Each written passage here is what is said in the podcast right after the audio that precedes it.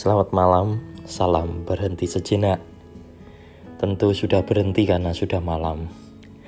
Saudari-saudaraku yang terkasih, teman-temanku yang terkasih, selamat Paskah.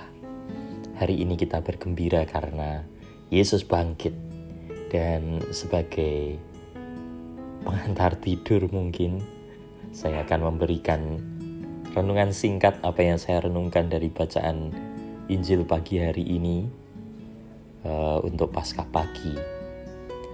Semoga berkenan untuk mendengarkan sebentar saja. Kerinduan akan Tuhan kita rawat bersama dengan cara-cara yang kreatif. Saya ulangi lagi, kerinduan akan Tuhan kita rawat bersama dengan cara-cara yang kreatif. Dan itulah yang saya lihat beberapa minggu terakhir ini ketika kita harus di rumah saja. Ada begitu banyak cara kreatif untuk merawat kerinduan kita kepada Tuhan. Dan hari ini kebangkitan Tuhan menjadi semangat dasar dari cara hidup merawat kerinduan itu secara kreatif. Karena kalau tidak ada semangat dasarnya, saya yakin kerinduan ini tidak akan terpelihara. Bahkan cara-cara yang kreatif ini bisa jadi akan hilang. Karena lalu yang kita pikirkan hanyalah sekedar membuat konten atau merindukan banyak likes mungkin. Padahal yang kita maksudkan adalah kita mau merawat kerinduan harapan kita kepada Tuhan lewat cara yang kreatif dan kita letakkan semangat dasarnya pada kebangkitan Tuhan. Yesus yang bangkit. Saudari-saudaraku yang terkasih, teman-temanku yang terkasih. Jika kita hanya terpekur menyesali keadaan atau mungkin marah karena ada banyak kegiatan kita yang batal atau tertunda atau mungkin protes entah kepada Tuhan entah menyalahkan pemerintah dan seterusnya.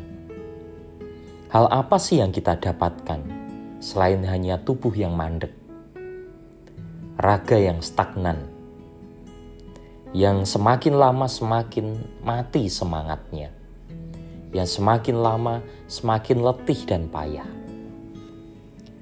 Di dalam bacaan kedua, Rasul Paulus mengatakan, ragi yang baik sedikit saja telah membuat adonan mengembang jadi kalau kita berbagi sedikit saja kepada mereka yang membutuhkan, bergerak, bukankah itu akan membuat buah-buah kasih Kristus itu menjadi mengembang?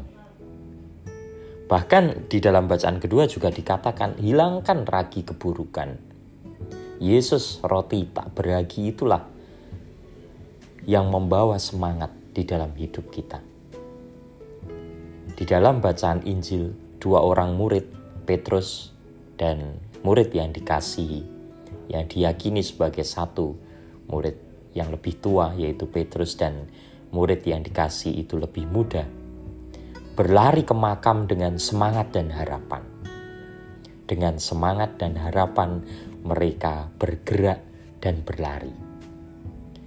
Maka mari saudari-saudaraku teman-temanku yang terkasih, Malam ini kita berdoa sambil memohon agar kebangkitan Yesus menjadi semangat dasar untuk kita bergerak.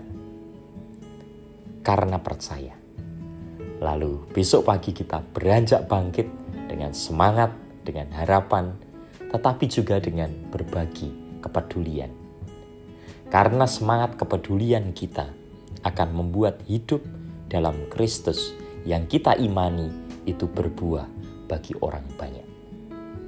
Selamat malam, salam berhenti sejenak, selamat Paskah, Tuhan memberkati.